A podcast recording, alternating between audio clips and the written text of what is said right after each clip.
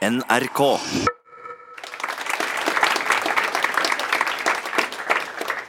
Hei og velkommen til debatt fra Studentersamfunnet i Trondheim.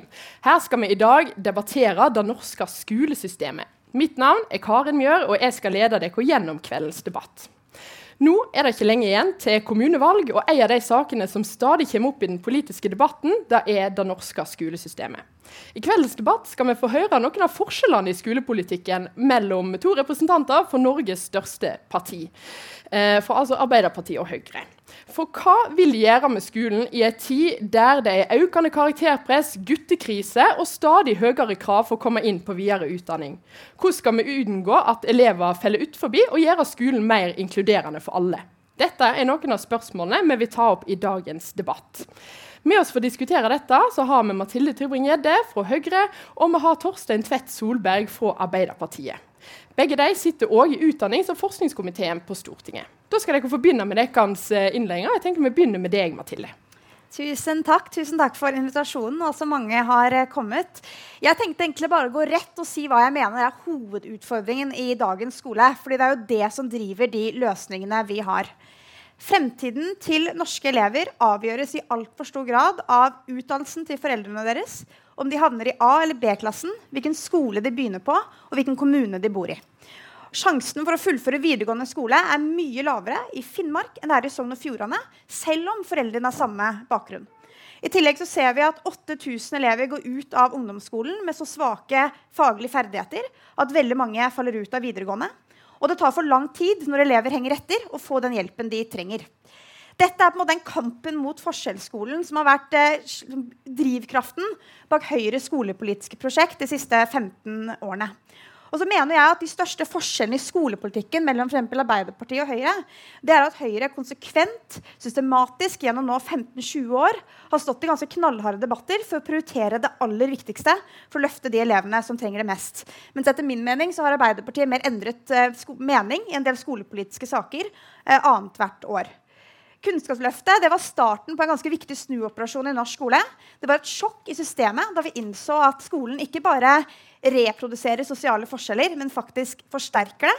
Og Høyre sto da i front for å innføre grunnleggende ferdigheter og ikke minst for å ansvarliggjøre skoler og kommuner, men man fant ut hvordan det gikk an over tid i skolen. Det viktigste for elevenes læring det er uten tvil ifølge all forskning, eh, lærernes kompetanse.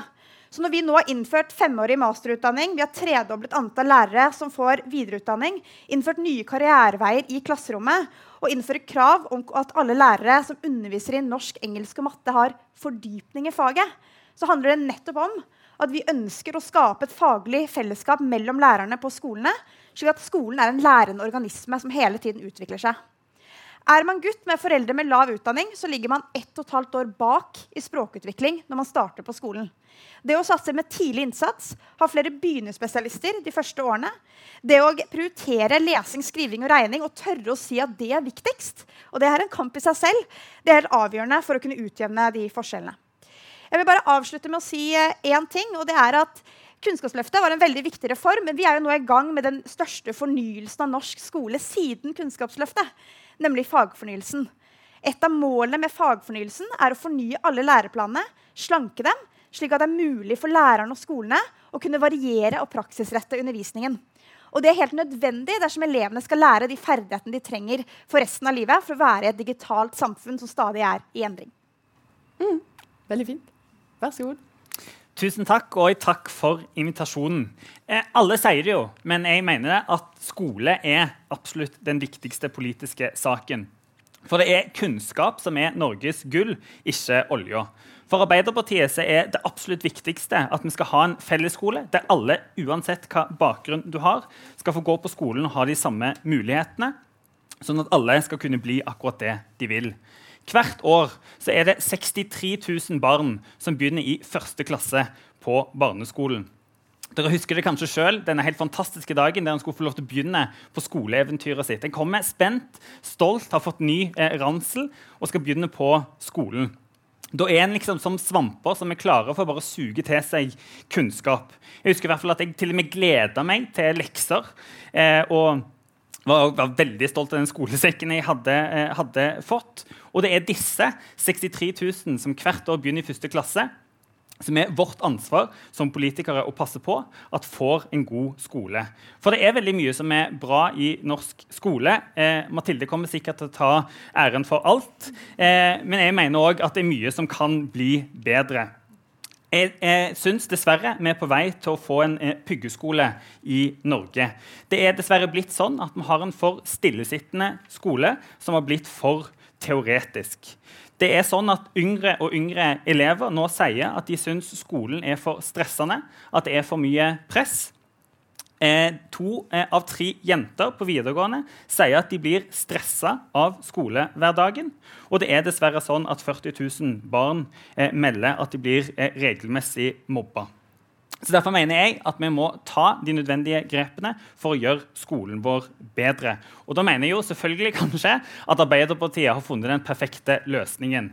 For vi klarer å kombinere SV har kanskje litt en sånn lekeskole som de er opptatt av. Og Høyre er de som går i bresjen for puggeskolen, mens vi, vi klarer å kombinere disse to tingene. Den viktigste saken for Arbeiderpartiet det er at vi vil ha flere lærere i skolen. Lærere som har tid til å se hver enkelt elev, som har tid til at skolen blir mer praktisk. For nå er det sånn at det er så mange elever i klasserommet og så få lærere at det ikke er tid til å ta den lille eksklusjonen ut i skogen og lære naturfag med å se på kongler, eh, kongler, og trær. Du trenger flere gode lærere for at skolen òg skal bli bedre. Og dessverre, under denne regjeringen så, en, så er det, ser vi en økende lærermangel i Norge. Og dessverre òg flere ukvalifiserte som nå jobber i norsk skole. Og så mener jeg også Den andre viktige saken for Arbeiderpartiet er en mer praktisk skole. Vi må snu pendelen vekk fra puggeskolen til en skole der det er eh, en mer bedre balanse mellom det å lære, men òg det å trives. Da må vi få for på plass sånne ting som en time fysisk aktivitet hver dag, et godt skolemåltid, sånn at alle de ungene som ikke har med seg en matpakke på skolen, og er mette og, gode og kan lære eh, etter eh, skole, eh, skole, skolepausen. Det er, er, veldig viktig for, for, oss. Og Den tredje viktige saken er at vi må hjelpe de som trenger skolen aller, aller mest. Jeg synes Det er synd å se at vi i Norge svikter kanskje de som trenger trenger å gå på skolen mest, de som har det dårligste utgangspunktet, de klarer vi ikke å løfte gjennom, de, eh, gjennom skolen og gjennom de skoleårene som en har. Mathilde sa det. Med spesialundervisning så er det altfor mange av de som får vedtak på at de trenger hjelp i, i norsk, trenger hjelp i matte, som ikke får den hjelpen de trenger, som, eh, som har timer med folk som er ufaglærte og som ikke gir dem den hjelpen eh, vi trenger. Dette er det ekstremt viktig at vi får snudd, at vi får på plass en reform for eh, spesialundervisningen. At vi får på plass en reform for SFO, eller aktivitetsskolen, sånn at vi klarer å få på plass en skole der vi hjelper de som trenger skolen aller, aller mest. Takk. Da har dere, Du var litt inne på det i uh, din appell. Uh, men jeg lurer på, for En ting av de tingene jeg ser skiller dere veldig når jeg ser gjennom skolepolitikken, er jo dette med lærertetthet og hvor mange lærere en skal ha i skolen. Jeg ser at Arbeiderpartiet har jo tallfesta at dere vil ha 3000 uh, nye lærere inn i skolen. Det har ikke dere gjort i Høyre. Hvorfor ikke? Ja, vi har jo fått 3000 flere lærere de siste fem årene, så det er jo åpenbart at det valgløftet har blitt oppfylt allerede. Altså, jeg er opptatt av at vi får eh, flere gode lærere inn i norsk skole. Nå har vi innført lærernorm. Det var et gjennomslag for KrF. Eh, og jeg er opptatt av at vi, når vi da innfører lærernorm, at samtidig holder fokus på det jeg mener er viktigst, nemlig lærerens kompetanse i klasserommet. Og det er ikke noe måte, jeg har funnet på. Eh, hvis du snakker med liksom, alle skoleforskere som har forsket på lærertetthet, sier at det å ha 18, 19 eller 20 elever i klasserommet, det er ikke det avgjørende. Det er elev-lærer-relasjonen og lærerens kompetanse. Så noe av, det, noe av det, jeg mener er viktigst, de viktigste grepene de siste årene, det har vært å snakke om profesjonsstoltheten til det å være lærer. Det å jobbe i faglig fellesskap på skolene. Det er ikke lenger slik nå på mange skoler at lærerne er ferdigutdanna når de er 23 år, går inn i et klasserom, står alene der i mange år og underviser. Snarere tvert imot. Nå er det mye mer opptatt av at man diskuterer seg imellom har det fellesskapet for å utvikle undervisningen til det beste for elevene. Og Det handler om kompetanse. Det handler om at tre ganger så mange får etter- og videreutdanning. Det handler om nye karriereveier i klasserommet. Eh, det handler nettopp om å forstå at skal det være attraktivt, skal det være status å bli lærer, og være engasjert i noe så viktig som pedagogikk, som undervisning, så må det eh, støttes opp av eh, rammevilkårene rundt. Uh, og nå var det rekordmange som søkte lærerutdanningen. Og Det sier jo litt om at det har vært en utrolig økning i status til det å bli lærer eh, de, siste, de, siste, årene. Og jeg tror det skyldes at man ser de mulighetene som ligger i yrket. Eh, altså, jeg skal må bare kommentere dette med puggeskole. Jeg er helt sånn jeg er veldig veldig opptatt av at man lærer å lese, skrive og regne. Jeg mener Det er helt avgjørende verktøy for resten av livet. Men jeg tror ikke du lærer alle barn å lese, skrive og regne ved å pugge. Snarere tvert imot. Jeg tror det man trenger, er flere verktøy for å kunne variere undervisningen. Du hjelper jo ikke elever som har ulike vansker, eh, eller at elever som henger etter i, i, lesing, eh, ved at de får flere oppgaver, opplever skolen som en arena for nederlag. Så jeg er ikke, liksom, den Puggeskolen er liksom fin retorikk, men det er jo ikke det man er opptatt av. Jeg er snarere tvert imot opptatt av at man unngår at trivselen faller fordi man henger etter, og fordi ingen er der og hjelper deg tidlig nok. Ja, jeg vil litt tilbake til dette med lærertetthet. fordi at Deko er veldig opptatt av å tallfeste. Hvorfor 3000, og hvorfor er det så viktig å sette et tall på det? Nei, det var som jeg sa i eh, appellen min òg. Altså, jeg mener at eh, nok lærere i klasserommene er absolutt det viktigste grepet en tar for, eh, for, skolen. Det at det er nok lærere i klasserommene som har tid til å se eh, eleven, er den beste garantien vi har for at eh, barna skal eh, lære mer. Men ikke minst som jeg sa, det å kunne bevege seg utenfor klasserommet og gjøre andre ting enn det vi ser i skolen i dag. Da, som er at en blir veldig sittende i klasserommet.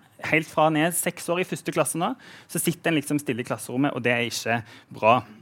Eh, og Det er eh, på en måte fint og, og forutsigbart at Mathilde skryter av den lærernormen som de har eh, innført. Men det er dessverre en skrivebordsnorm som regjeringen har innført på en måte fra kontorene sine i Oslo. For det er jo en helt annen realitet ute i klasserommene i Norge. En har på en måte nå sagt at det skal bli en lærernorm, det skal bli flere lærere, men realiteten ute i klasserommene er jo egentlig nesten det motsatte. Vi har en økende lærermangel i Norge. SSB har, nå, har sagt at i 2040 så kommer vi til å mangle 5800 lærere i norsk skole.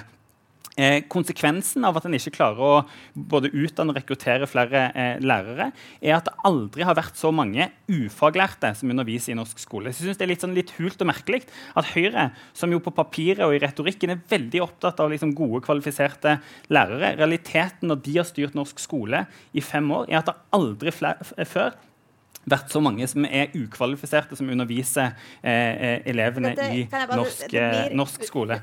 Nei, og, og, Grunnen til at det er sånn, er jo at eh, høyresida har eh, strategisk nesten eh, innført en del vedtak som har ført utviklingen i feil retning og, og ført lærermangelen oppover. En har f.eks. innført et firerkrav i matte for å kunne bli lærerstudent. Et eh, solid vedtak som gjør at vi går glipp av mange flinke som kunne blitt gode lærere. En har innført kompetansekrav for lærere med tilbakevirkende kraft, som gjør at en avskilter tusenvis av lærere, folk som vi trenger i klasserommene. Og selv om Mathilde skryter av at søkningen har gått litt opp, så er det etter år der en har falt veldig mye. Og det står fortsatt eh, studieplasser, lærerstudieplasser eh, tomme i, eh, i, Norge, eh, i Norge. Må få lov til å kommentere ja, dette. Takk. Eh, for det første, det er rekordmange som søker til lærerutdanningen. så det er ikke helt riktig. For det andre så har andelen ukvalifiserte flatet ut de siste årene. Andelen ukvalifiserte i de nordligste fylkene, der man har vært mest redd for rekruttering, det har også gått ned de siste årene. Eh, så det, er, det er liksom, noen ting må man ha med her i, i beregningen. Det har aldri vært færre elever per lærer på de siste ti årene. Så vi har det laveste antall elever per lærer på de siste ti årene. Og det har vært 3000 flere lærere de siste årene. 1000 flere lærere bare for et år siden. Så det, måte, det, det går, Jeg forstår at man ønsker å, ønsker å, prøve å finne en annen eh, skillelinje her, men sannheten er at det har vært en kraftig satsing på, uh, for å få flere lærere inn i skolen. Men ikke minst den satsingen for å få flere lærere har ikke gått på bekostning av de kravene og den kompetansen lærerne har. Og jeg mener for at det å si at de lærerne som underviser i norsk, matte og engelsk, har fordypning i norsk, matte og engelsk, og de får da videreutdanning for at det skal kunne skje, mener helt avgjørende for å unngå at det er så store forskjeller mellom A- og B-klassen på en skole. Eh, og det er eh, noe av den største utfordringen i norsk skole, som jeg vil liksom utfordre deg på. fordi at Utfordringen i norsk skole i dag er at man er så prisgitt den skolen man går på, den kommunen man bor i. Det er den største utfordringen. Og jeg mener det er sånn grunnleggende urettferdighet i det norske systemet at man tillater at noen skoler år etter år etter år har så svake resultater, og det ikke gjøres nok av politikerne i kommunen for å gjøre noe med det. Det er den store utfordringen. Og da er kompetansen til lærerne, som er med elevene hver eneste dag, det aller viktigste. Hva sier du til dette? Nei, eh, På Stortinget så er alle partiene, vel faktisk unntatt SV, enige om at etter- og videreutdanning for lærere, kompetanse for lærere, er veldig bra. Det er liksom, det har med, vi bruker vi milliarder på hvert eneste år. Men det som vi sliter med å forstå, så det er vi helt enige om. Ikke sant? Den Ja, beskrivelsen til til Mathilde. Men eh, altså, i, i, i dette så mener jeg det er du sliter med å forklare hvorfor er det da sånn, hvis det har vært så rekordstor søkning på, eh, på grunnskolelærerutdanning, hvorfor er det da sånn at studieplasser står tomme? Hvorfor er det da sånn at med det mattekravet dere har innført, så er det færre som har lyst å søke seg til, de, til GLU 1-7, som vi sier, til småtrinnene? Og Det tror jeg handler om spesielt dette mattekravet som en har innført, som jeg synes er ganske avslørende for hvordan Høyre tenker om kunnskap og kompetanse. For Når Mathilde står her liksom og snakker fint om kompetanse, så har høyresida en helt annen måte å tenke kompetanse For da, da er det tall og det er krav som er mål, målenheten for om en er flink i noe. Og Skal en bli lærer i Norge, da, så mener nå høyresida at du må ha fire i matte. Det betyr at hvis du har fem eller til og med karakteren seks i norsk, har lyst til å bli norsklærer, så sier Mathilde at nei, da kan ikke du bli lærer, for, for mattekarakteren er det viktigste. Det er ingen forskning i hele verden som klarer å vise at god karakter i matte gjør deg til en god lærer. Jeg tror at Det som gjør deg til en god lærer, er jo interesse for det faget du skal undervise i.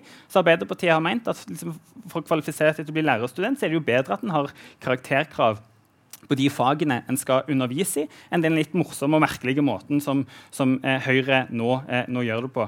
Og eh, eh Jeg vil også kommentere litt det som Mathilde sa om dette med liksom, profesjonsstoltheten. Og Grunnen til at vi nå må snakke liksom, opp læreryrket, er jo at Høyre gjennom hele 90-tallet snakket det ned. Det er sitater der Erna Solberg til og med sa at i Norge så har vi dårlige lærere. Vi trenger liksom flere liksom bedre lærere. Lærerne i Norge er ikke gode nok. og det er grunnen til... Gi meg gjerne konteksten til det sitatet, så kan du få lov til å slippe unna med det. Men det er hele, uansett, hele, uansett hvor mye kontekst det er, så var det Høyre som brukte all tida si på liksom å snakke ned læreryrket, som er grunnen til at vi nå på en måte òg må, eh, må eh, snakke, det, snakke det opp. Det, Jeg tror du skal ja, få kommentere, skal kommentere her. Det. Ja. Altså, I 2013, da, hver gang vi kritiserte regjeringen, så mente jo da Jens Stoltenberg at da snakket vi ned Norge. Og det er litt det samme på en måte, argumentet som blir brukt nå. Det som vårt poeng, var at det å ha så lite satsing på etter- og videreutdanning til lærerne, det å ikke ønske å innføre femårig masterutdanning og liksom hele tiden gå etter og ikke ønske å satse mer på læreryrket, det mente vi var en, eh, var en utfordring. Så er det sant at i 2005 så innførte vi karakterkrav, økte karakterkrav for lærerutdanningen. Andelen som gjennomfører lærerutdanningen, har økt med 10 prosentpoeng. Nettopp fordi du får flere kvalifiserte søkere som har da flere, eh, sterkere ferdigheter fra videregående. Og det påvirker også faktisk kvaliteten på utdanning og de dyktige lærerne vi får ut i klasserommet. Så jeg er enig i dag, Vi godt diskutere mattekarakteren. Eh, det er firer i P-matte fra videregående. Og I tillegg så har vi et overgangs, overgangsordning hvis du ikke klarer å eh, få det til på videregående. Eh, men det som er med mattekarakteren, er at regning er en grunnleggende ferdighet. Det skal gjennomsyre alle fag. Eh, Så det er, ikke, det er ikke en sånn spesiell ting bare mattelærere skal kunne. Snarere tvert imot. Det er en ganske viktig eh, ferdighet å kunne. I tillegg til vi ser at mattefaget er det faget hvor den, foreldrenes utdanningsbakgrunn har mest å si for hva en elev klarer å få til. Så Det er, liksom, det er der vi ikke klarer å utjevne sosiale forskjeller. Og det er også det faget hvor flest, flest lærerstudenter stryker eh, på utdanningen. Så det er klart det er flere grunner til at matte har blitt hevet frem, eh, som jeg synes er, er viktig. Men det er jo på en måte ikke den store skillelinjen. Det ikke godt diskutere mattekarakteren. Den store skillelinjen er når man skal styre, hva prioriterer man å satse på? Og jeg mener at Det Høyre har gjort gjennomgående de siste 15 årene, har vært å ha liksom forskning, ganske forskningsbaserte satsingsområder for å utjevne forskjellene i skolen. Og Det tror jeg er det viktigste vi må gjøre fremover.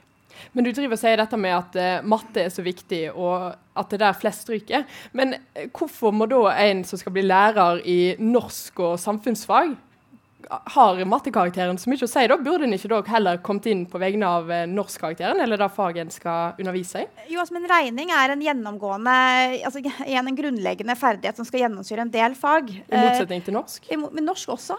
Ja. Eh, Vi stiller jo nå krav innenfor noen, noen, eh, noen fag eh, som jeg mener er naturlig å gjøre for å komme inn på lærerutdanningen. Og det er litt interessant, fordi Vi innførte det samme kravet for å komme inn på sykepleierutdanningen. Og Da, da jublet Sykepleierforbundet, for de så at det også økte statusen til yrket. Men jeg tror, ikke, jeg tror ikke det er firerkravet i seg selv som gjør at vi har fått rekordmange søkere på lærerutdanningen. Jeg tror det er veldig mange ulike tiltak, flere karriereveier, i tillegg til kompetansekravene, som gjør at flere ønsker å bli lærere og ser at det er en gyllen mulighet. Eh, hvor man ikke bare er ferdigutdannet som 23, men har flere eh, veier å gå. Torstein? Ja, altså, eh, det var jo en åpenbar grunn til at Sykepleierforbundet jubla når en hadde innført et firerkrav på, på sykepleie. For på sykepleie er det jo kjempeviktig å ha kompetanse på medisinutregning. Og da, da hadde det et poeng, og da var det liksom kunnskapsbasert. Og Vanligvis i alle debatter som jeg er med Mathilde om skole, så er Mathilde veldig opptatt av at en skal gjøre ting i skolepolitikken som er kunnskapsbasert. Som helst har en svær forsknings rapport bak seg som en kan slå i bordet med og si at dette gjør vi av dette. Og Når det kommer til firerkravet, eh, så, så, er det ikke det. Altså Det er Mathildes synsing og Høyres synsing som er det eneste de har å komme med. Det fins ingen forskningsrapport som sier at det er å ha fire i matte gjør de til en god en god eh, lærer. Og Mathilde kan gjerne si at det er uviktig, dette firerkravet. Men jeg mener bastant at det er også et bilde på hvordan Høyre ser på kunnskap og kompetanse. De mener at liksom skal du være flink i noe, så er det f.eks. en sånn ting som mattekarakter. Og det mener jeg er feil. Jeg har et helt annet kunnskapssyn som handler om et bredere kunnskapssyn, der en ikke bare måles på liksom, som enkeltfag som, som matte, men da f.eks. på de fagene en skal undervise i. For det er også viktig at vi har eh, kjempegode kunst- og håndverkslærere i skolen. Kjempegode eh, gymlærere. For de som skal gjennom norsk skole, elevene, de trenger jo ikke bare mattenerder som lærerne deres, liksom, selv om det er bra med mattenerder. Altså, ikke det. Men du trenger eh, at lærerne i Norge er noe mer enn eh, en bare liksom ensidig målt på matte. Og det er det eh, dessverre Høyre har, eh, har innført. Men jeg, jeg, lurer på, Hva konkret er det dere vil endre? Vil dere bare fjerne firerkrav i matte, eller vil dere ha et nytt krav? Eller hva er det egentlig Arbeiderpartiet ønsker her? Nei, Som eh, Mathilde sa, så var jo Arbeiderpartiet med på å innføre at det skulle være karakterkrav. Da var det tre, tre i norsk og matte som man hadde, som var liksom de generelle kravene. Men det vi mener og har lyst til å, å innføre, er det som jeg sa, at en eh, bør se på å ha eh, kvalifikasjonskrav på de fagene en skal eh, undervise i. Det tror jeg, jeg hadde vært eh, mye smartere. og ikke minst gjort at det kunne... Men dere ønsker, ja, men dere ønsker fortsatt å opprettholde trekravet i norsk og matte? Ja, det gjør jo alle. Altså, ja, det men det er veldig rart. Så problemet er ikke at du har et krav spesifikt til matte. Problemet er at det, er fire og ikke tre. Altså, ja. det, det, igjen, det, er sånn, det er problemet med Arbeiderpartiet, en del av disse tiltakene i lærersatsingen. At man er for, og så er man mot, og så er man for. Eh, og så kommer man med en mellomløsning som, eh, som er vanskelig å forstå helt logikken bak. Eh, det viktigste som jeg mener man gjorde eh, i lærersatsingen, det var å tredoble antall som får etter- og videreutdanning. Også innenfor andre fag enn bare matematikk og norsk, selv om det er en stor hovedvekt. Eh, nettopp fordi man ser at det, at det er det mest avgjørende for, eh, for um, elevenes læring. Eh, nå fikk vi nylig tall på at det er rekordmange som har søkt etter- og videreutdanning. Det har økt hvert år. 900 søkere på videre, en ny videreutdanning innenfor spesialpedagogikk. Altså det, man kan godt kalle, altså jeg vet ikke om du kaller det teoretiske fag og det praksistetiske fag, men det er i hvert fall en kompetanse som sårt trengs inn i skolen. Det samme ser man innenfor praktisk-estetiske fag. Du ser det innenfor digital kompetanse. At vi har åpnet så mange nye muligheter for lærerne å kunne eh, søke seg til, som gjør noe med hele kompetansesituasjonen i norsk skole. Eh, og det, det, er ikke, det er ikke snever kompetanse, det er ganske bred kompetanse i norsk skole for hva man satser på. Um, og jeg har også et bredt kunnskapssyn. Når jeg oppdager lesing, skriving og regning de første årene, så er ikke det på bekostning av at man lærer å bli en god samfunnsborger, eller at man bruker varierte praktiske metoder. Men det er en anerkjennelse av at skolen har sviktet når 8000 elever går ut uten å mestre det, liksom, mestre det helt grunnleggende eh, for å kunne klare seg resten av livet. Eh, og jeg er, det, Mitt sånn største kjepphest som skolepolitiker er de gangene jeg er i debatter med folk og så skal man nesten, når, Det gjør ikke du, altså, Torstein, men det er mange på venstresida som gjør dette. Hvor man bag, liksom, bagatelliserer eller bortforklarer svake resultater innenfor matte, norsk, eh, engelsk, naturfag, eh, med at ja, vi gjør så mye annet som er bra, og trivselen er høy. Jeg tror det går an å få til begge deler, og det er skolens viktigste oppdrag. Kommentar til deg før vi går litt videre? Ja, altså Da skal jeg avslutte med en kort innføring for Mathilde i hvordan karaktersystemet i norsk skole er. Fordi når du får tre i et fag fra Nei, men altså, det, det, er, det, er noen år siden vi har gått på skolen, eh, Mathilde. og det høres ut som eh, det kan, trenger trenge en liten recap. For Hvis du får tre i et fag, så har du en grunnleggende kompetanse i det faget. Og Det er bra at de som skal bli lærere, har en grunnleggende, en, en helt mediumforståelse av norsk og matte. Det er vi alle enige om. Men det Høyre har gjort, er at den sier at fire skal liksom, Du skal ha en eksepsjonell forståelse i matte spesielt, selv om du skal da bli historielærer selv om du skal bli norsklærer. Og det som jeg synes er så merkelig med Det er at eh, altså det kan være at eh, en på skrivebordet i, på Høyres hus syns at dette var en god idé, men konsekvensen av den politikken som Høyre nå fører, er at en går glipp av tusenvis av eh, ungdommer som har lyst til å bli lærere, som har lyst til å undervise barn i, eh, norsk, i norsk, eller i historie eller kroppsøving for den saks skyld. Og igjen da, som jeg sa, Samtidig som vi ser at vi, har, vi kommer til å mangle 6000 flere lærere i årene som kommer, så står Høyre på sitt ideologiske blindspor og mener at liksom matte skal være, eh, og det mattekravet må en liksom ha, for, og det liksom er det, er det viktigste. Jeg mener Vi må ta det vekk. Vi må eh, få, få, få, alle disse tusen som vil inn i skolen, eh, inn i skolen, for vi trenger, trenger disse eh, elevene. Og så var liksom, Mathilde uenig i at vi har fått en, eh, en eh, puggeskole, og mener liksom at vi må få på plass eh, og gjøre litt av begge delene. Og Det kan vi sikkert fortsette å snakke om videre i debatten. For jeg synes, Det mangler, syns jeg, fra Høyre at det kommer noen konkrete forslag på nettopp dette med trivsel. På at vi får en skole der pendelen svinger mindre fra pugging og mer over på trivsel. Og at en tar de eh, signalene som kommer nå, eh, i større grad på alvor. For til nå så har Høyre stemt mot alle våre forslag, om det er skolemat, om det er fysisk aktivitet, om det er, er beredskapsteam mot, eh, mot eh, mobbing. Høyre er kun opptatt av pugging. Det er helt greit for meg at de er det. Men jeg er i hvert fall eh, mot det. Okay, ja, eh, jeg tror dere kunne diskutert dette veldig lenge, så jeg tar, vi skal gjennom flere temaer. Så jeg ja. bryter litt den akkurat der. Jeg vil igjen minne om at vi sender i dag for Studentersamfunnet i Trondheim og debatterer det norske skolesystemet. Med oss har vi Mathilde Tybring-Gjedde fra Høyre og Torstein Tvedt Solberg fra Arbeiderpartiet. Eh, noe annet som har fått veldig mye oppmerksomhet i media det siste knyttet skole, er jo denne eh, nye rapporten til Stoltenberg-utvalget og den mye omtalte guttekrisen. Eh, jeg lurer på, Hva er det dere ser som det mest effektive virkemidlet for å utjevne kjønnsforskjellene i skolen?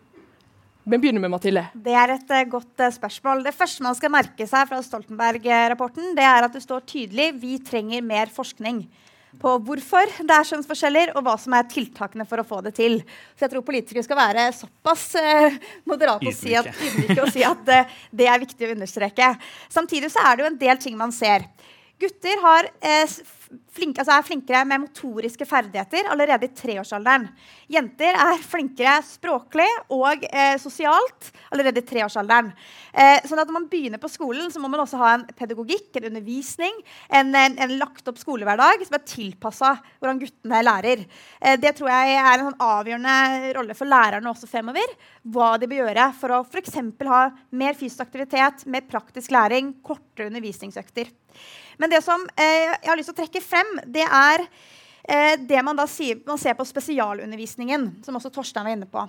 70% av de som får vedtak om spesialundervisning, er gutter.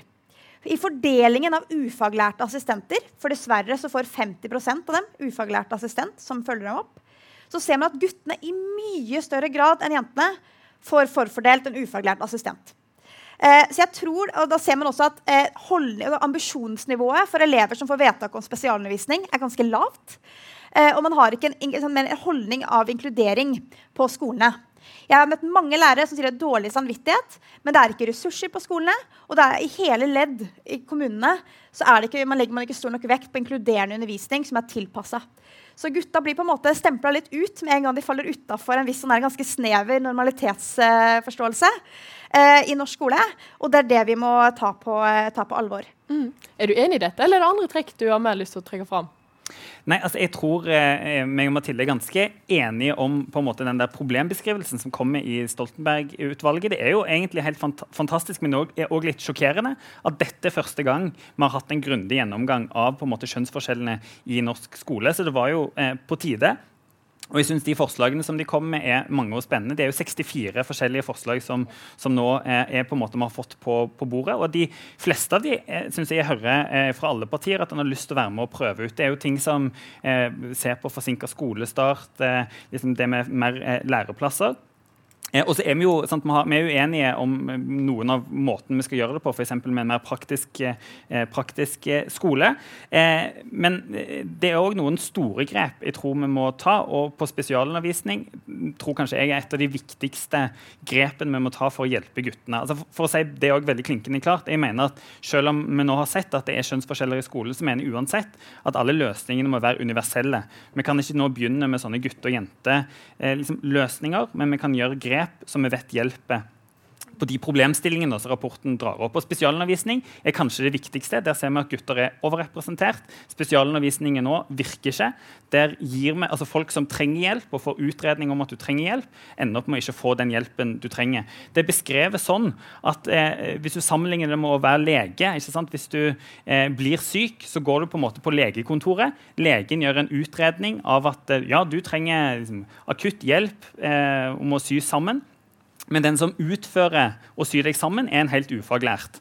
Sånn er det med spesialundervisningen nå. Du har fagfolk som sitter og gjør en vurdering av at du trenger leksehjelp. Og så, når du på en måte skal, skal, få den norskhjelpen eller mattehjelpen, eller ja, de forskjellige fagene som, som, er, så er det noen helt ufaglærte som i, i all eh, hovedsak gjør, gjør, dette. Og For Arbeiderpartiet så er det kjempeviktig da, at du uansett og fortsatt skal ha den retten til spesialundervisning. Der er det et forslag på bordet, regjeringens bord nå som er at en skal fjerne retten til spesialundervisning. Det mener jeg er feil. Norge har en rettighetsskole, og det må vi på en måte fortsatt ha. Der har jeg ennå ikke sett at regjeringen har klart å gi et eh, godt svar på hva, hva de mener om dette. Jeg, mener, jeg, tror det er viktig i byggingen av et nytt sånn spesialundervisningssystem at den retten fortsatt står, eh, står, sentralt, og at du ikke fjerner en rettighet som norske skoleelever har, eh, har fått. Du har vel kanskje noen tanker om dette? Ja, veldig mye tanker. Det er sånn hjertebarn, spesialundervisningen. Jeg hadde møte med en gutt som heter Daniel Lie Ungdomsforbundet til Dysleksi Norge. og Han skulle fortelle om sin liksom, ferd gjennom skolesystemet. Og Han opplever jo nettopp dette, at han får oppfølging av ufaglært eh, assistent. Eh, gjerne ofte liksom en gymlærer en lærer som egentlig har andre oppgaver, eller ikke har utdanning i hvert fall innenfor hvordan du skal følge opp barn med dysleksi. Eh, og at den, den, oppfølgingen kan være direkte skadelig. Og det er det man ser, at nesten at det har motsatt effekt. Mm. Fått mer effekt av å være igjen i klasserommet. Og jeg tror dette er liksom større også et utfordring, fordi det handler om hvordan vi ser på inkluderende og tilrettelagt undervisning. Mange av de som får vedtak om spesialundervisning, kunne fått det mer tilrettelagt i klasserommet. Eh, vi har jo sagt at vi vurderer å stille krav om at alle skoler skoler skal ha tilgang til en tilstrekkelig eh, antall med liksom, spesialpedagogisk kompetanse, sånn at det er lettere for læreren som står i klasserommet, å få noen som kan bistå i læringssituasjonene. Som er kanskje er eh, nesten avgjørende. Eh, men jeg vil også nevne når du snakker om kjønnsforskjeller det er den, det arbeidet vi nå gjør med fagfornyelsen. og Det er der jeg synes liksom, det glemmer uh, Torstein å nevne. nemlig at Vi er jo i gang med å endre alle læreplanene i norsk skole med mål om å slanke det. Og hvorfor gjør vi det? Jo, fordi at det lærerne forteller om i dag, og elevene selv sier, er at det er så mye de skal gjennom. og Da er det vanskelig å tenke tverrfaglig. Det er vanskelig å trekke inn f.eks. koble seg på mat og helse og ha, liksom, lære på en annen måte. Eh, og skape de eh, møteplassene. Eh, så Det er en av formålene med, med, fagfornyelsen. og hvor jeg vet at partene som er, i utdanningssystemet, er ganske fornøyd. For de føler i hvert fall at de er tett på prosessen. Og det er en veldig spennende prosess å være en del av. Fordi det er staker ut retningen for norsk skole de neste 10-15-20 årene. Mm. Hva, hva syns du om forslagene til de nye læreplanene som er kommet ut nå? Er du enig i at det er rett eh, vei for skolen? Ja, Fagfornyelsen er jo hele Stortinget enige om. Det var den rød-grønne regjeringen som starta det arbeidet med Ludvigsen-utvalget, som ble satt ned, og som har ført til at en nå starta eh, arbeidet med fagfornyelsen. Det har vært stortingsmeldinger, det har vært stor enighet om å ha gitt de forskjellige eh, retninger. Så det er jeg spent på å se hvordan det blir når det skal eh, gjennomføres. Jeg tror vi kunne hatt en helt egen debatt om på en måte de farene og minene som ligger, ligger, der foran oss. Men jeg merker meg jo at Mathilde unngår å svare på den lille utfordringen jeg hadde om dette med rettigheten til spesialundervisning. Altså, det er en viktig grunnplanke i det norske skolesystemet at vi har et rettighetsbasert liksom, skolesystem.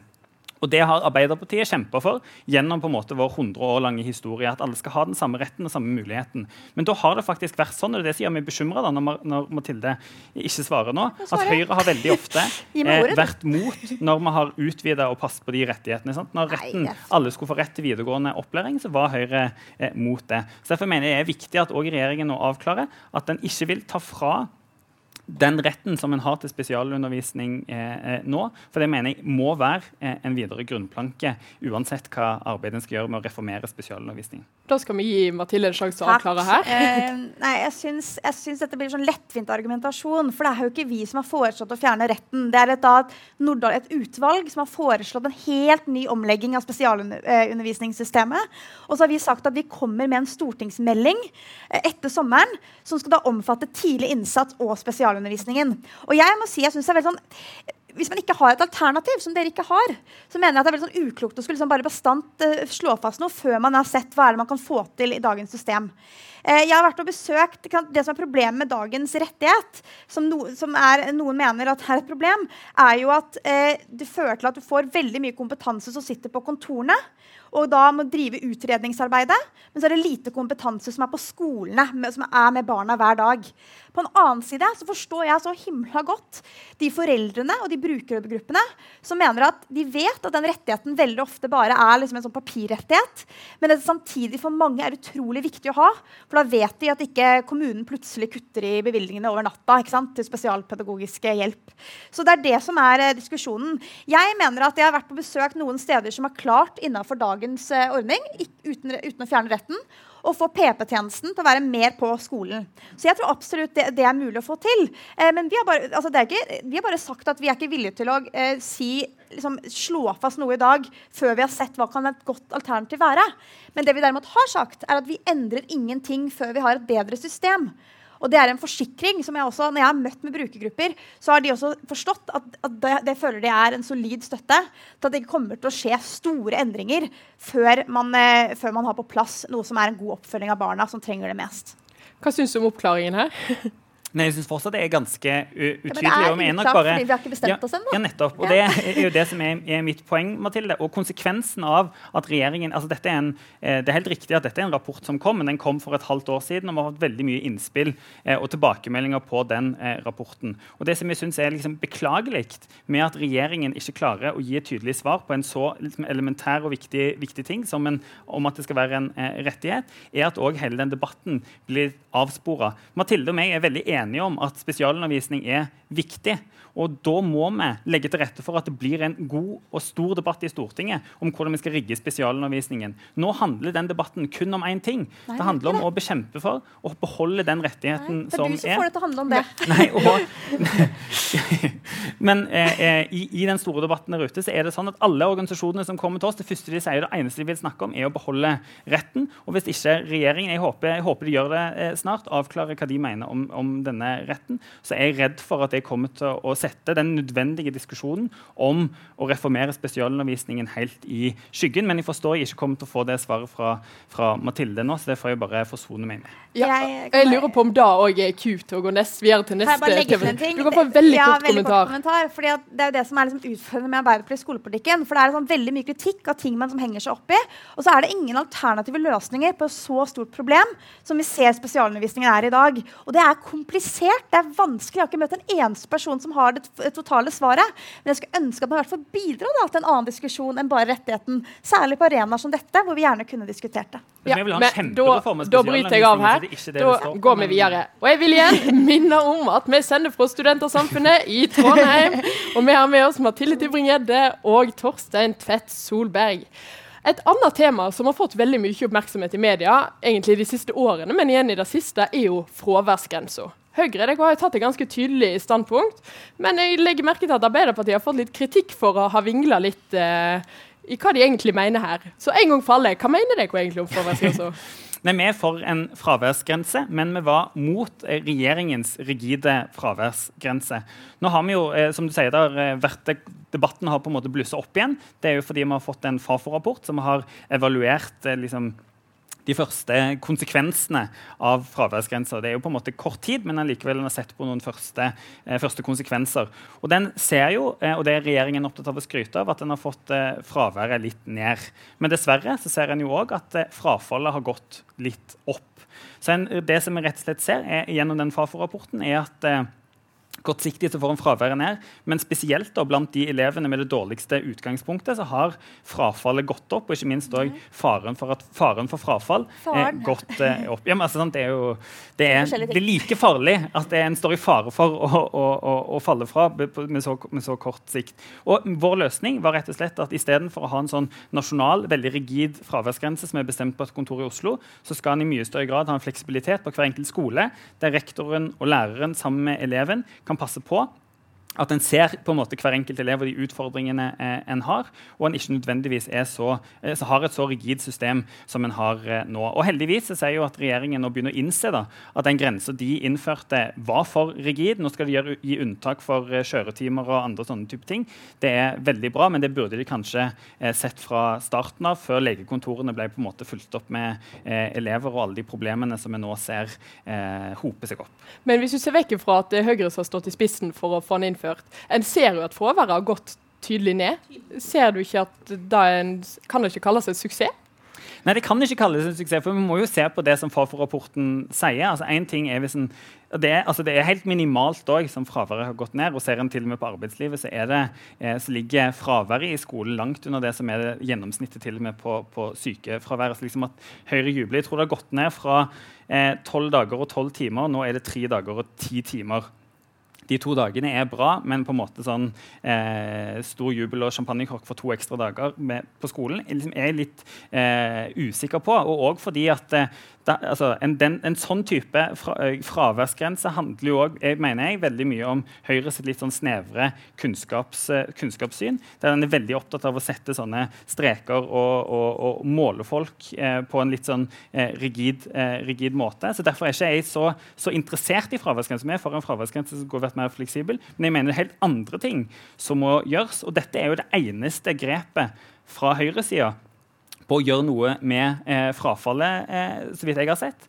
Og, og eh, da er, mener jeg det ikke er like stor grunn til å juble like mye som eh, jeg, bare, jeg tenker du skal få begynne med å kommentere kritikken mot fraværsgrensa. Ja, hvis du starter der. absolutt. Jeg bare merker meg at det er snevert kunnskapssyn å mene at elever skal være på skolen. og da er det sånn, da da har, jeg, da har, vi gått to forskjellige kunnskapssyn. Jeg mener at Når fraværet har gått ned, sant, ifølge tallene til Fafo 20% En annen beregningsmodell tyder på 40% Det er ikke lite det er ganske mye, og det er mye å si for at man er på skolen. Og hvis man mener at det å være på skolen ikke har så stor betydning, eh, da tror jeg man ikke innser egentlig at skole egentlig har den verdien den har. Eh, det, som er, det, som jeg mener er sånn suksess med fraværsgrensen, er at det har ført til bl.a. at vi nå ser at det er flere som fullfører videregående. Vi ser at fraværet går ned. Vi ser at i all hovedsak i den Fafo-rapporten viser, det er én av, av, tre evalueringer vi har satt i gang, at det har hatt veldig positive effekter. Men eh, det er en fare for at selvfølgelig flere kan ikke få en karakter. Det har ikke skjedd. Andelen som ikke får karakter, vært, er helt stabil. Men det er en fare for det fordi vi må gjøre andre tiltak i tillegg. Og det er jeg helt klart opptatt av. En av, en av, de hovedgrepene vi har gjort, er blant annet å styrke skolehelsetjenesten. Vi styrker oppfølgingen eh, av elever. Vi har sagt at når elever går ut av 10. klasse med veldig svake faglige ferdigheter, f.eks. I, i norsk, så skal du kunne gå på videregående, men få en tilleggsintensiv undervisning i norsk. Det var noe man ikke hadde lov til tidligere.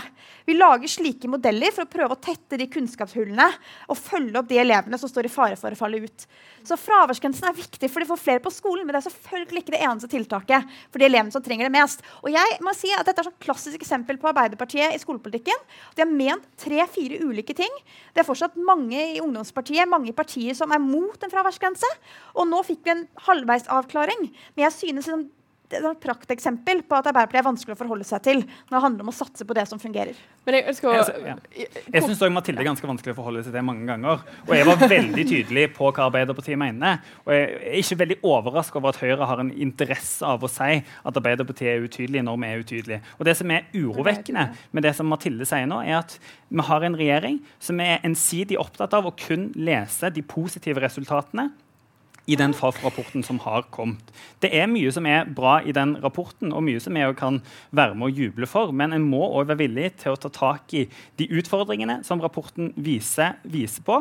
Og den er altså sånn, eh, Når alle Høyre-representantene snakket om hvorfor en skulle innføre denne fraværsgrensen, så var det liksom det viktigste var at en skulle få ned frafallet, og en skulle hjelpe de elevene som sleit mest. Og de ser en at en ikke har klart å hjelpe med denne fraværsgrensa. De liksom, den har økt faren for at de faller fra, og det er de som fortsatt har det høyeste eh, fraværet. Og det er da vi og Arbeiderpartiet mener at det er, liksom, det er det jeg mener med, at det er snevert med det. da. At, eh, at en er kun opptatt av sånne fraværsgrenser eh, og liksom den pisken, istedenfor å se på hva er det i skolen og skolehverdagen som som gjør at elevene trives der og er der. Og eh, Mathilde nevner skolehelsetjenesten. Den er ikke god nok. Nå er det sånn at Du må egentlig planlegge for når du skal være syk, for det er ikke skolehelsesøstre eh, eh, når eh, elevene eh, trenger det. Så vi har sagt at du må øremerke midlene til skolehelsetjenesten.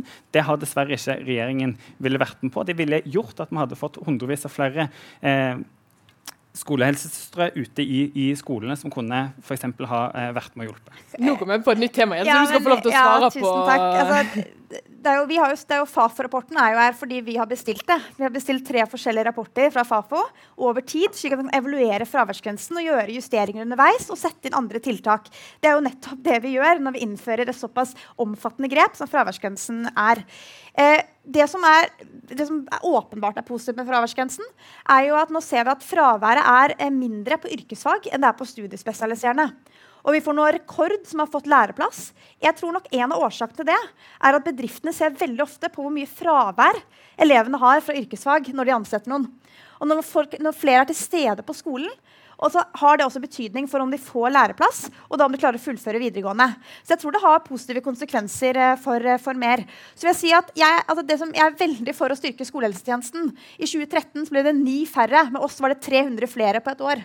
Så det, det er åpenbart skjedd grep der òg, men samtidig så må vi følge det opp videre. slik at man anerkjenner at årsakene til fravær, særlig mye fravær, er ganske sammensatt. Noe er, noe er, sosiale psykiske problemer, andre ting er faglig, eh, faglig, mestringsfølelse og generelt at man henger etter i fagene. Så det er en sammensatt gruppe å følge opp, eh, og det er krevende, men det er det viktigste vi gjør. Fordi det å falle fra i videregående har mye større konsekvenser i fremtiden enn det har hatt tidligere.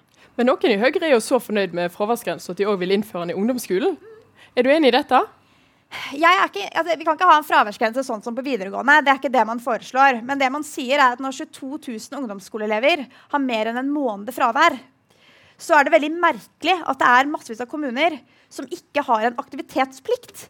Altså Når fraværet for noen som er i 9. klasse, er kjempehøyt, særlig noen fag, så bør det være en aktivitetsplikt for kommunen til å bare koble på det, det, man har av instanser. Enten det er barne- og ungdomspsykiatrien, skolehelsetjenesten, om det er barnevernet. Og, for å følge opp barnet og for å følge opp foreldrene. Eh, og Det er jeg positiv til. Men det kan selvfølgelig ikke bli en fraværsgrense sånn som på videregående. For altså, grunnskolen er en uh, rettighet man har. Eh, så man kan jo ikke, Det er ingen som foreslår at man skal liksom, ta igjen et år. eller noe, ikke sant? Det er bare snakk om å ha en mye bedre oppfølging av de barna som har mye fravær. Og det mener jeg er nødvendig. Du er vel heller ikke for å få det inn i ungdomsskolen? Nei, det er vi veldig mot. Altså, som eh, Mathilde og jeg på en måte sier, forstår egentlig ikke helt hvor dette forslaget kommer fra. En sånn desperat forslag fra Høyre på på en måte ha mer sånn pisk og plikt. For det er allerede plikt til å gå på ungdomsskolen. og og på barneskolen. Det er obligatorisk. Og det høres egentlig ut som det eh, høyresida er mot, er at som, rike foreldre tar ut ungene sine og drar på sydenferie, som jo er, liksom, er hovedgrunnen til at en at en har dette høye, eh, høye frafaret. Så jeg, Det er jeg mot, og jeg mener igjen det liksom er sånn litt avslørende for eh, hva type syn på skolen Høyre har. At alt liksom handler om disse plikten og pisken, istedenfor å stille seg spørsmålet om hva er det egentlig som gjør at barn trives på skolen, har lyst til å gå på skolen. Og nå ser en at alle indikatorene på stress og press går oppover etter at Høyre har styrt skolen i fem år. Og da er ikke de grepene som en har gjort, gode nok. Da må vi gjøre mer. F.eks. sånn som vi sa på skolehelsetjenesten. Ja, men jeg synes det, det, vi sliter jo fremdeles med høyt fravær. Så utenom skolehelsetjenesten, hva konkret er det dere vil innføre for å få det til å gå ned, hvis dere ikke vil ha fraværsgrenser? Vi vil ha fraværsgrense på videregående, men på, ja, på, ungdomsskolen, på ungdomsskolen mener jeg at en mer praktisk skole kanskje er det viktigste. Det fremma vi for et halvt år siden et, uh, for, flere forslag i, i, Stortinget for å gjøre ungdomsskolen mer eh, praktisk. En ser jo at altfor mange til og med velger litt feil fag når de skal videre til videregående, fordi en på ungdomsskolen ikke har nok tid til å prøve seg ut i de forskjellige yrkesgruppene. Så vi foreslo at en skulle hente inn flere yrkesgrupper, sånn som liksom, snekker og rørlegger elektriker og den type faggrupper og inn i skolen, sånn at en i større grad fikk prøvd seg i de eh, fagene. Vi kalte det en praktisk skolesekk etter modell av Den kulturelle eh, skolesekken. Som liksom ett av flere grep på å få en mer praktisk skole. For dessverre er det nå blitt sånn at det er for, for stillesittende. Mm. Jeg vil si at jeg, en av grunnene til at vi er i gang med fagfornyelsen, er jo nettopp for å kunne ha praksisrette også ungdomsskolen. Vi innfører jo nå et valgfag som er et praktisk håndverksfag eh, i ungdomsskolen, for at flere kan ha mulighet til å velge det. Men så er jeg selvfølgelig opptatt av at man også praksisretter og varierer undervisningen i de alle, alle andre fagene. Eh, og det er et viktig grep eh, i årene fremover. Men bare for å ta et eksempel. Ja, jeg, synes jeg er imot at rike foreldre tar barna sine med på ferie midt i skoleåret. Uh, og jeg mener Det er en plikt til å, være, at å ha et barn skal være på skolen. Altså Den rettigheten helt, som alle andre, altså mennesker i andre land de kjemper for. Vi har det i Norge. Da kan man ikke ta ut mange uker ferie midt i skoleåret. Det mener jeg. Men det er ikke de jeg nødvendigvis er mest bekymra for. Jeg snakket med en mor som har en datter som har, som har ME. Og hun opplever at når hun tar kontakt med skolen, så får hun beskjed hun kan ta igjen fagene hun går glipp av, senere. Mens det moren etterspør, er å kunne få da, i hvert fall noen rettigheter i hånden som gjør at du kan kreve at kommunen og skolen tilrettelegger for at datteren i hvert fall kan ta noen fag. At du slipper å ta hele ungdomsskolen hvis hun blir frisk og forhåpentligvis blir frisk. Det er, sånn, det er sånn sammensatte årsaker til at, at, så mange er borte fra ungdomsskolen. Og det håper man kunne gjort, var å ha en mer aktivitetsplikt eh, til kommunene og til skolene til å tilrettelegge for barn og sikre seg at flere barn er til stede på skolen, eller i hvert fall får opplæring. Eh, og her her er det svikt i systemet. 22 000 mennesker, barn har over en måned fravær. Eh, det er klart at det påvirker muligheten til å fullføre videregående. Eh, det, Man kan godt liksom latterliggjøre det eller mene at det ikke er en viktig problemstilling. Jeg mener det er ganske avgjørende. Men jeg tror heller ikke Mathilde kommer til å klare å løse det problemet som hun her beskriver, med en sånn rigid fraværsgrense i det hele, i det hele tatt. Ja, men, altså, da bare, bare legge fra seg hele det forslaget. Og så mener jeg Mathilde, at den tar altfor lett på når, når en liksom sier at fagfornyelsen skal løse alt, og vi, vi kommer til å få en mye mer praktisk skole bare fagfornyelsen er på plass. Det tror jeg er en illusjon må, altså, det må på plass òg flere lærere for at en skal klare, klare, å være mer ute av klasserommet og f.eks. involvere andre yrkesgrupper i klasserommet. sånn som, jeg, sånn som, jeg, sa. Og det må mer midler på bordet for at en skal ha nok, liksom, godt nok utstyr på ungdomsskolen. At det f.eks. er et sløydrom med materialer. Vi har satt av egne penger i budsjettet vårt til liksom et sånt sløydløft, men at det òg er for penger til gamingrom, til 3D-printere. Eh, og den type ting. Så det er liksom, eh, Fagfornyelsen er bra, den er vi enig i, men Høyre liksom tror, tror, bare på den. Altså det er litt, nesten sånn religiøst trosforhold til, til, til, fagfornyelsen. Men det må òg penger på bordet til flere lærere, ikke minst òg til, eh, til, utstyr. Spesielt øremerka til, til, ungdomsskolen, om vi skal klare å, å, få til mer praktisk skole. Kommer tilbake til dette med flere lærere. Ser du poenget når han jo, legger fram sånn? sånn? Nå har det kommet 3000 flere lærere. Man har innført en lærernorm. At Arbeiderpartiet fortsatt har det som sånn, sin hovedløsning på opp, samme religiøs forhold til det for å løse alle utfordringer. Jeg tror heller ikke det er eh, nødvendigvis den beste løsningen alltid. F.eks. på praktisk-estetiske fag så er jo utfordringen at nesten halvparten av lærerne har ikke noe kompetanse i det faget. Altså de er ufaglærte i faget sitt. Eh, og det er jo en, en, løsning man kunne gjort med med bedre videreutdanning og styrka kompetansen og fagprofesjonene i praktisk-estetiske fag. Og det hadde også gjort det mulig for lærerne i mange praktisk-estetiske fag å også bidra inn i klasserommet, eh, de øvrige fagene, og jobbe på tvers, slik at man får mer praksisretting. Så det er selvfølgelig som en, et viktig grep for at det skal være, eh, være at ikke bare de te, typ, tradisjonelle teoretiske fagene blir prioritert. Men akkurat, dette, det Mathilde, har jo, akkurat dette har jo vi faktisk foreslått. Det at en i større grad skal prioritere etter- og videreutdanning til andre fag. Høyre har bare vært opptatt av at en skal ha etter- og videreutdanning i norsk, matte, engelsk, de der klassiske kunnskapsfagene. Mens vi må også ha, nei, det er altfor få som får etter- og videreutdanning ja, på de praktisk-estetiske eh, fagene. Hører at vi er på vei inn i en helt annen debatt, men tida den springer på, så det er altså tid for deres avslutningsappeller. Så nå får dere ett minutt hver, og da begynner vi med deg, eh, Torstein, denne gangen. Takk, og tusen takk for en spennende og gøy debatt. Jeg synes Det er altfor sjeldent at vi får lov til å diskutere på en måte den store eh, skolepolitikken, så dette var eh, veldig gøy. Jeg vil eh, avslutte der jeg òg eh, begynte, med hva som, absolutt, hva som, er det viktigste i skolepolitikken. Det er disse ungene, disse 63 000 barna som eh, hvert år starter i første klasse, som er klare som bare det, som svamper, til å tiltrekke seg ny eh, kunnskap.